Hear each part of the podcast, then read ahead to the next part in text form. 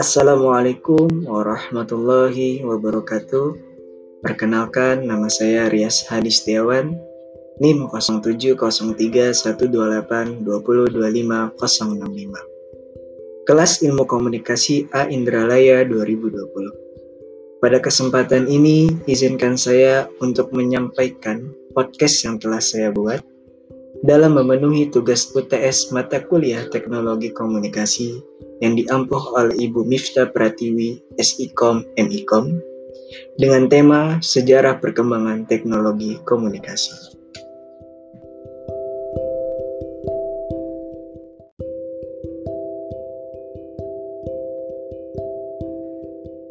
Pada masa sekarang, teknologi komunikasi sudah sangat jauh berkembang dibanding zaman dahulu dengan adanya teknologi komunikasi, masyarakat mendapatkan akses kemudahan dalam menjalani kehidupannya.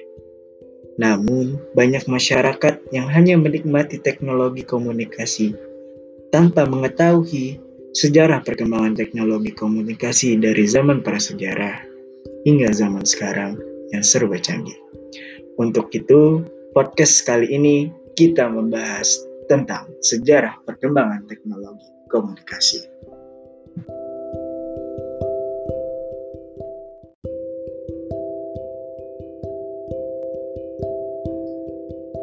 Kira-kira kenapa sih harus ada teknologi komunikasi? Ya, jawabannya karena manusia adalah makhluk sosial dan tentunya manusia tidak hidup seorang diri. Oleh karena itu, dalam kehidupannya, manusia membutuhkan komunikasi antar sesamanya demi terciptanya kehidupan yang diinginkan.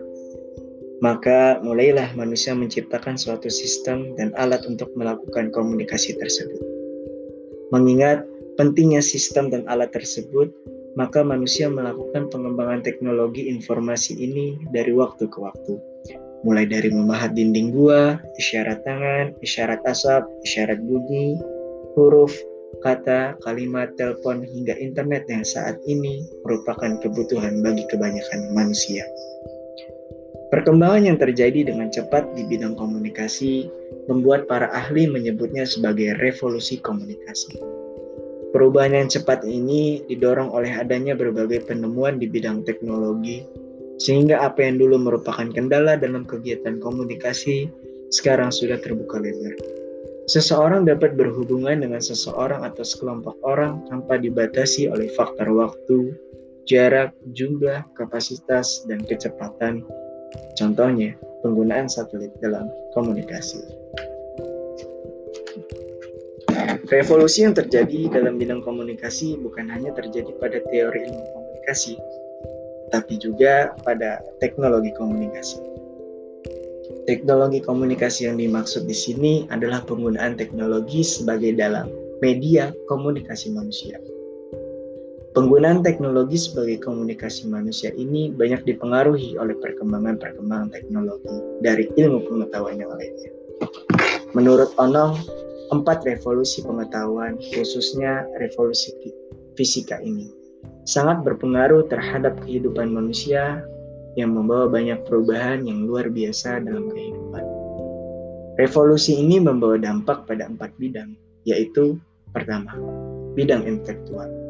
Jangan meninggalkan kebiasaan atau kepercayaan tradisional dan mengambil kebiasaan baru.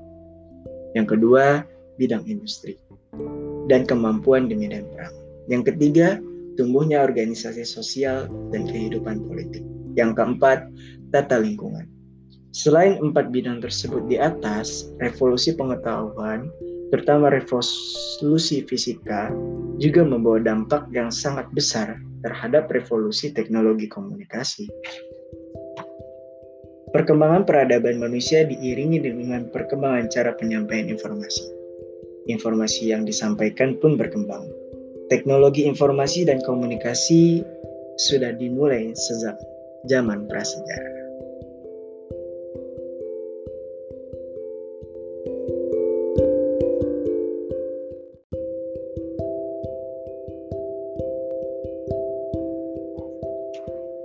Sejarah perkembangan teknologi komunikasi di dunia mengalami tiga periode dalam perkembangannya, yaitu pertama masa prasejarah. 3000 sebelum Masehi. Di era zaman ini manusia purba sudah mengenal komunikasi dan cara berkomunikasi mereka yang biasanya menggunakan simbol-simbol. Seperti halnya mereka melukis di dinding gua dengan tujuan memberikan informasi tentang perburuan dan binatang buruan mereka. Selain melukis, mereka berkomunikasi juga menggunakan bahasa isyarat, dengusan, dan gestur tangan. Lalu yang kedua, masa sejarah 3000 sebelum Masehi sampai dengan 1400 Masehi. Di era ini tentunya teknologi sudah mengalami perkembangan menjadi lebih baik dibanding zaman sebelumnya. Kebiasaan melukis dalam dinding gua pada masa ini masih tetap ada. Namun di lain sisi juga komunikasi berkembang melalui bangsa Sumeria era 3000 sebelum Masehi dengan menggunakan huruf piktogram. Kemudian pada 2900 sebelum Masehi, komunikasi berkembang kembali melalui bangsa Mesir kuno menggunakan huruf hieroglif. Yang kemudian diikuti oleh dinasti Sang di Cina era 1570 sampai dengan 1045. Setelah memasuki era 500 sebelum Masehi, bangsa Mesir dan Cina menemukan kertas Mesir menggunakan pohon papirus dalam pembuatan kertasnya, kemudian Cina menggunakan serat bambu dan akan bisa kemungkinan menggunakan sistem pencetakan memakai blok kayu yang digores dan dioleskan tinta. Yang ketiga, masa modern 1400 Masehi sampai dengan sekarang. Di era ini sudah dapat dipastikan teknologi sudah mengalami kemajuan yang sangat pesat dan sudah modern. Apalagi kalau kita lihat zaman sekarang sudah banyak teknologi yang mendukung komunikasi seperti telepon, TV, radio, majalah, dan koran, dan sekarang malah adanya internet. Lalu sosial media, dan tentunya dalam mengakses itu diperlukan suatu gadget yang berbasis Android dan iOS. Tentunya dengan adanya teknologi tersebut pada akhirnya manusia mengalami kemudahan dalam menyampaikan informasi atau mengakses informasi dan tentunya sekarang menjadi sangat praktis apalagi menyebarluaskan informasi sekarang sudah sangatlah mudah. Namun ini perkembangan teknologi versi yang pertama. Selanjutnya ada perkembangan teknologi menurut Everett M. Rogers dalam bukunya yang berjudul Communication Technology dalam bukunya, dia berpendapat bahwa revolusi terhadap perkembangan teknologi komunikasi dibagi dalam empat era. Kira-kira empat era itu apa aja?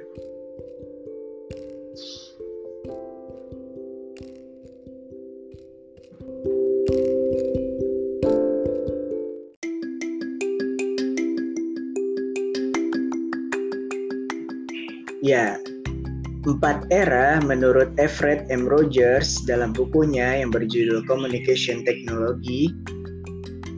Yang pertama ialah era komunikasi tulisan atau the writing era of communication. Era ini dimulai tahun 4000 sebelum Masehi pada saat bangsa Sumeria menggunakan tablet dari tanah liat. Bangsa Cina menemukan tulisan untuk percetakan buku dan bangsa Korea menemukan alat dari logam yang menggantikan huruf-huruf dari tanah. Penemuan mesin cetak merupakan awal dimulainya riwayat komunikasi massa.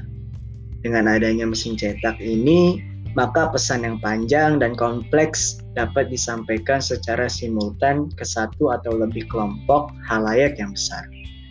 Salah satu produk dari mesin cetak adalah surat kabar yang berisikan berbagai berita yang mutakhir dan diperlukan oleh berbagai halayak.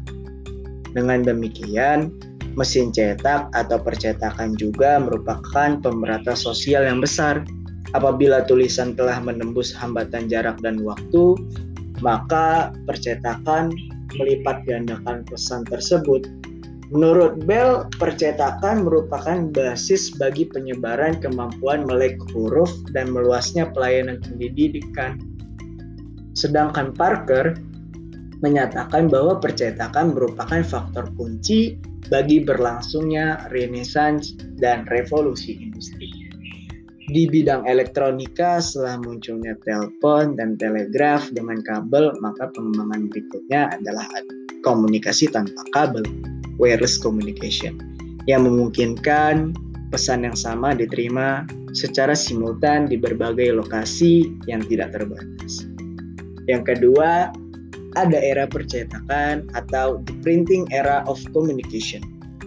Era ini dimulai dengan ditemukannya alat percetakan oleh Gutenberg pada tahun 1456 ketika untuk pertama kalinya mencetak kitab Injil.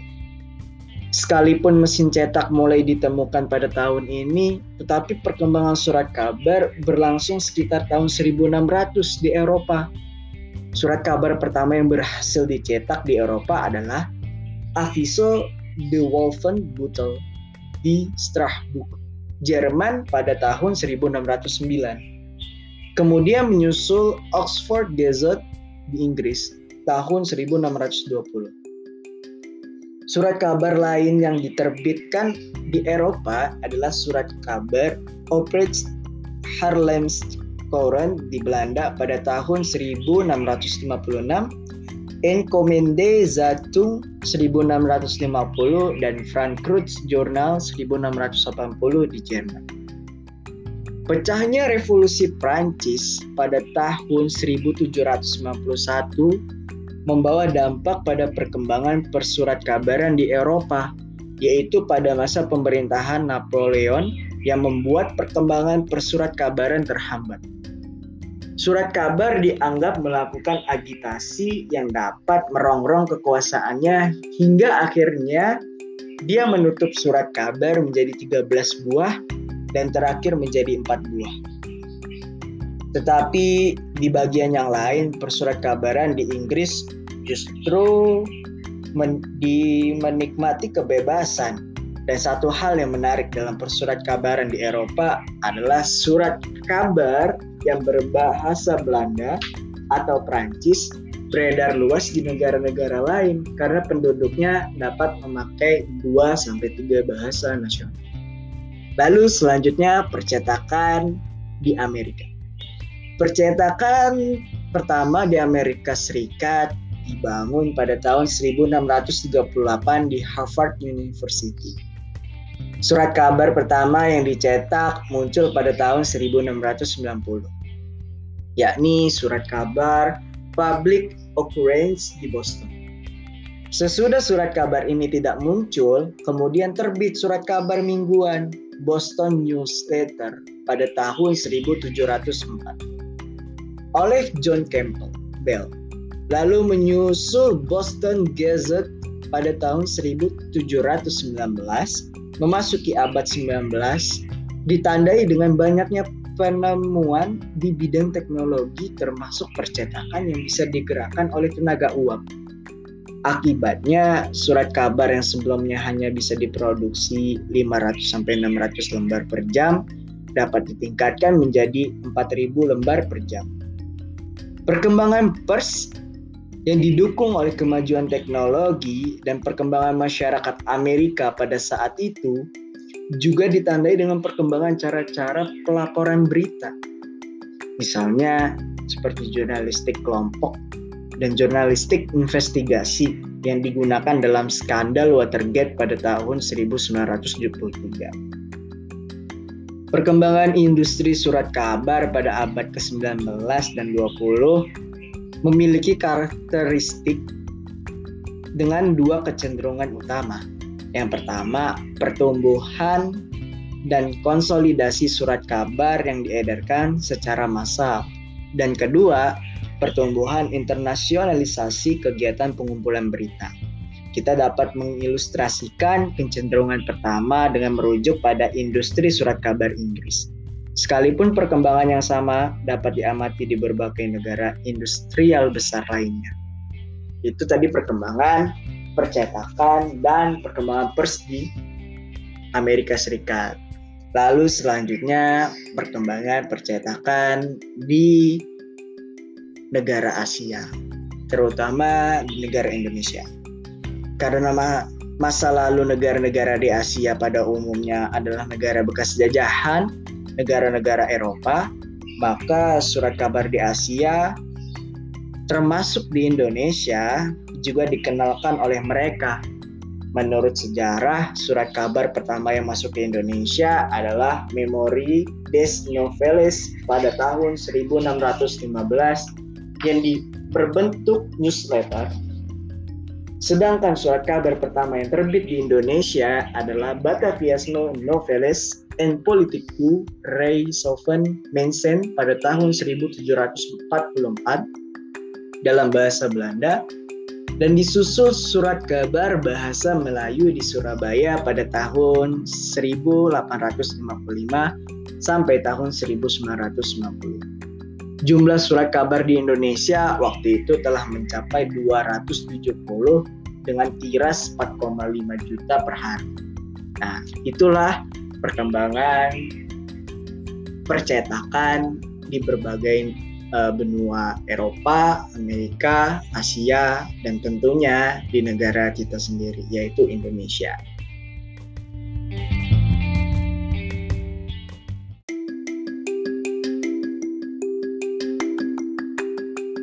Nah, selanjutnya yang ketiga, era telekomunikasi atau telecommunication era. Salah satu teknologi yang berkembang pada masa ini adalah film. Sejarah penemuan film berlangsung cukup panjang, disebabkan film melibatkan masalah-masalah teknik yang cukup rumit, seperti optik, lensa, proyektor, kamera, dan sebagainya. Perkembangan sejarah penemuan film ini baru kelihatan setelah abad ke-18 dengan percobaan kombinasi cahaya lampu dengan kaca lewat lensa padat. Memasuki tahun 1900, orang Amerika berhasil membuat film tanpa suara dengan durasi 25 menit seperti film A Trip to the Moon 1902 dan Life of an American Fireman 1903. Pada masa inilah film mengalami masa keemasan. Lalu teknologi lainnya adalah radio.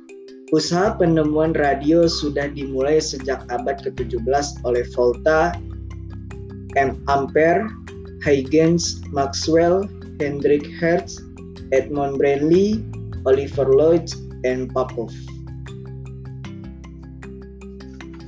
Sejak penemuan ini, telegram radio mengalami perkembangan yang sangat pesat dan tiga tahun kemudian Marconi berhasil mengirimkan berita radio dari Inggris ke Australia disusul berdirinya radio BBC 1923, NBC 1926 dan CBS 1927. Kehadiran pesawat radio membawa manfaat untuk kepentingan dagang, pelayaran, dan untuk menyampaikan informasi yang lebih cepat dalam urusan militer. Hal ini bisa kita lihat penggunaan radio dalam Perang Dunia Kedua. Terjadinya perkawinan antara jenis media dan teknologi menghasilkan berbagai bentuk baru yang memiliki kemampuan yang berlipat ganda. Salah satunya ialah munculnya televisi dengan berbagai kelebihan seperti televisi mampu menyampaikan pesan informasi dalam wujud gambar dan suara secara sekaligus. Namun demikian, televisi memiliki beberapa kelemahan, seperti sistem penyiaran yang dipancarkan ke udara sering mengalami hal hambatan untuk wilayah tertentu, terutama seperti daerah pegunungan. Maka, untuk mengantisipasi Hal tersebut Robert J. Tar Tarton mengemukan idenya yaitu televisi dengan antena bersama yang disambungkan ke rumah-rumah penduduk. Inilah yang menjadi asal mula TV kabel yang dikenal dewasa ini. Lalu di Amerika, waktu itu TV berkembang dan ditemukan oleh Dr. Vladimir Zworykin di Westinghouse, Amerika Serikat tahun 1923 dan disusul oleh Bard di Inggris tahun 1927.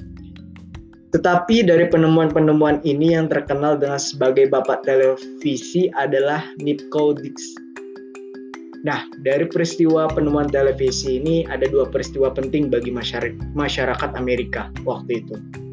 Yang pertama, sebagai alat kampanye presiden seperti debat terbuka Nixon dan Kennedy.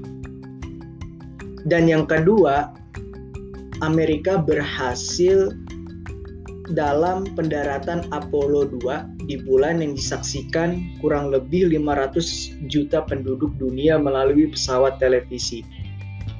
Nah, untuk di Indonesia sendiri, televisi pertama kali diperkenalkan pada tahun 1962 ketika Indonesia mendapat kehormatan untuk menyelenggarakan pesta olahraga Asian Games di Jakarta. Pada saat ini jangkauan siarannya hanya sekitar Jakarta dan Bogor pada radius 80 km pada waktu itu. Lalu tiga tahun kemudian baru menyusul pembangunan TVRI di daerah-daerah lain seperti Medan 1970, Ujung Pandang pada tahun 1972, Balikpapan 1973, dan Palembang 1874. Nah, beralih ke era selanjutnya, yaitu era komunikasi interaktif. Nah, era komunikasi interaktif ditandai dengan ditemukannya berbagai kemajuan teknologi seperti komputer, satelit, internet, dan lain-lain ya seperti teknologi-teknologi zaman sekarang yang serba canggih. Masuknya komputer ke jaringan komunikasi telah mewujudkan berbagai kemudahan baru dalam berkomunikasi, serta masih membuka kemungkinan untuk sekian banyak peluang baru di bidang ini. Dengan bantuan komputer, maka bukan saja penyimpanan, pengolahan, dan penelusuran informasi berlangsung cepat dan handal, tetapi juga pertukarannya pun dapat berlangsung ke mana saja dan di mana saja. Suatu komputer modern yang serbaguna terdiri dari unit pengolah sentral yang dihubungkan dengan kabel ke alat input dan output dan ke sistem penyimpanan data. Penemuan komputer ini telah dirintis oleh ahli matematika seperti Blaise Pascal yang berhasil menemukan mesin hitung pada tahun 1642 dan Gottfried Wilhelm dengan mesin hitungnya yang dapat melipat gandakan angka-angka dalam bentuk akar, square root pada tahun 1694. Pada abad ke-17 berhasil ditemukan cara kerja seperti komputer yang dikembangkan di Swiss, Prancis, dan Italia. Dan pada tahun 1835, Charles Babbage berhasil menemukan mesin analisis data. Dua dekade berikutnya, Hermann Hollerith seorang insinyur yang mengajar di MIT, Massachusetts Institute of Technology, menemukan mesin tabulasi yang bisa membaca data secara elektronik. Penemuan di dunia komputer ini terus mengalami perkembangan dengan penelitian yang dilakukan antara tahun 1900 sampai 1946 hingga berhasil ditemukan elektronik numerical integrator dan komputer atau ENIAC sebagai komputer elektronik pertama yang disempurnakan oleh J. Preston Eckert Jr. Komputer jenis ini menempati ruangan sebesar 90 meter persegi atau 9 kali 5 meter dengan tinggi 2 meter dan berat 30 ton. Generasi ENIAC selanjutnya muncul dengan komputer yang berdasarkan microchip yang dikembangkan oleh Dr. Robert Noyce, lulusan MIT yang mengajar di Stanford University, California.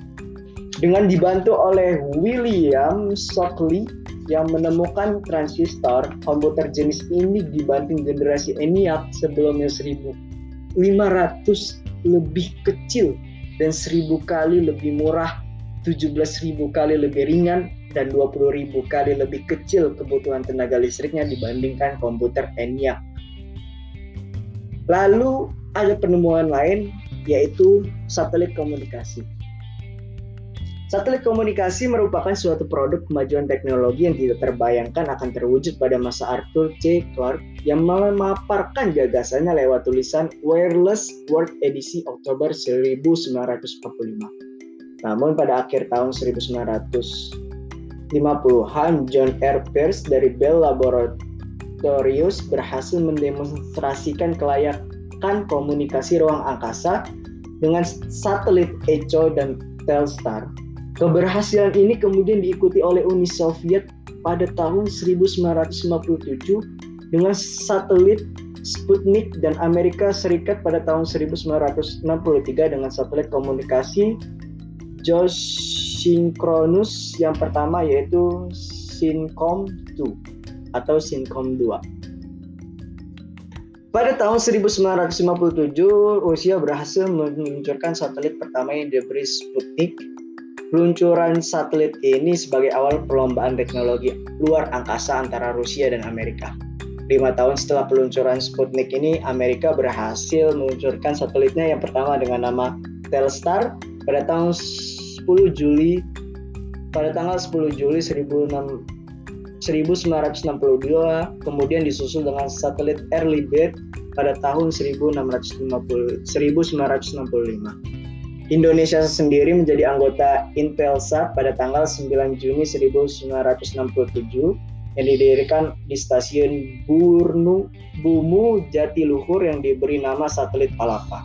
Dengan menggunakan satelit ini, komunikasi yang terjadi di negara Indonesia mengalami kemajuan yang sangat pesat. Misalnya adanya telepon, perluasan jaringan televisi, dan radio. Potensi satelit adalah untuk menerima dan memancarkan kembali sinyal siaran ke seluruh tempat yang dapat dijangkaunya. Hal ini memungkinkan siaran radio dan televisi dapat diterima di mana saja sepanjang dapat ditangkap oleh antena stasiun bumi. Dengan kata lain, manfaat yang utama dari adanya teknologi satelit adalah untuk keperluan penyiaran baik radio maupun televisi. Lalu setelah satelit, mulailah berkembang banyak teknologi seperti adanya internet. Lalu setelah internet adanya sebuah uh, barang elektronik seperti gadget, ditemukannya sebuah gadget. Lalu setelah ditemukan gadget dengan aplikasi Android atau iOS yang sekarang sudah mengalami banyak perubahan dan update dari Android dan iOS maka dari pengisian uh, untuk mengisi dari uh, Android tersebut maka banyaklah tercipta seperti sosial media, aplikasi-aplikasi sekarang Netflix dan uh, aplikasi-aplikasi uh, banking dan lain-lainnya. Itu merupakan uh, dari uh, perkembangan dari uh, era uh, era teleko era uh, era komunikasi interaktif ini. Maka dari itu uh, seperti sekarang kita bisa menikmati teknologi-teknologi yang sudah sangat canggih diperlukan uh, usaha yang panjang bagi penemu-penemu hingga bisa membuat teknologi secanggih sekarang.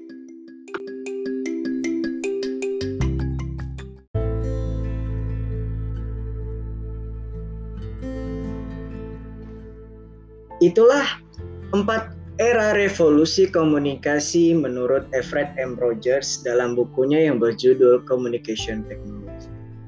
Teknologi ini akan terus berkembang sesuai dengan ilmu yang terus berkembang. Dan tentunya dengan adanya perkembangan teknologi banyak timbul dampak positif dan negatif. Positifnya dengan adanya teknologi yang terus berkembang dapat memudahkan pekerjaan kita dan efektif dalam pekerjaan. Dan tentu negatifnya teknologi ini bisa menjadi bumerang yang dapat menyerang kita juga jika kita tidak dapat bersaing dan salah menciptakan sebuah teknologi.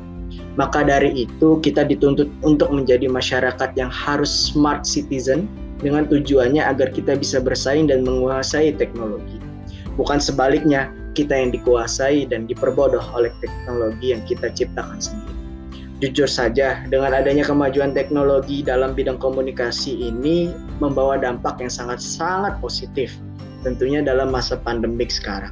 Dengan jauhnya dengan orang-orang yang kita sayangi, kita langsung berkom bisa berkomunikasi dengannya walau tidak tatap walau tidak tatap muka. Lalu dalam mengatasi kebosanan, kita bisa menonton melalui aplikasi-aplikasi film yang sudah ada seperti Netflix, Viu, WeTV dan lain-lainnya. Dan juga untuk masalah pekerjaan dan sekolah kita bisa mengaksesnya melalui berbagai uh, aplikasi Zoom dan Google Meet yaitu aplikasi tatap muka lainnya. Untuk itu maka teknologi komunikasi pada masa sekarang apalagi pada masa pandemik ini sangatlah membantu kita untuk itu kita harus bersyukur karena jika tidak ada teknologi komunikasi maka kita akan mendapatkan kesusahan dalam menjalani efektivitas sehari-hari. Demikian podcast yang bisa saya sampaikan. Kurang lebihnya mohon maaf.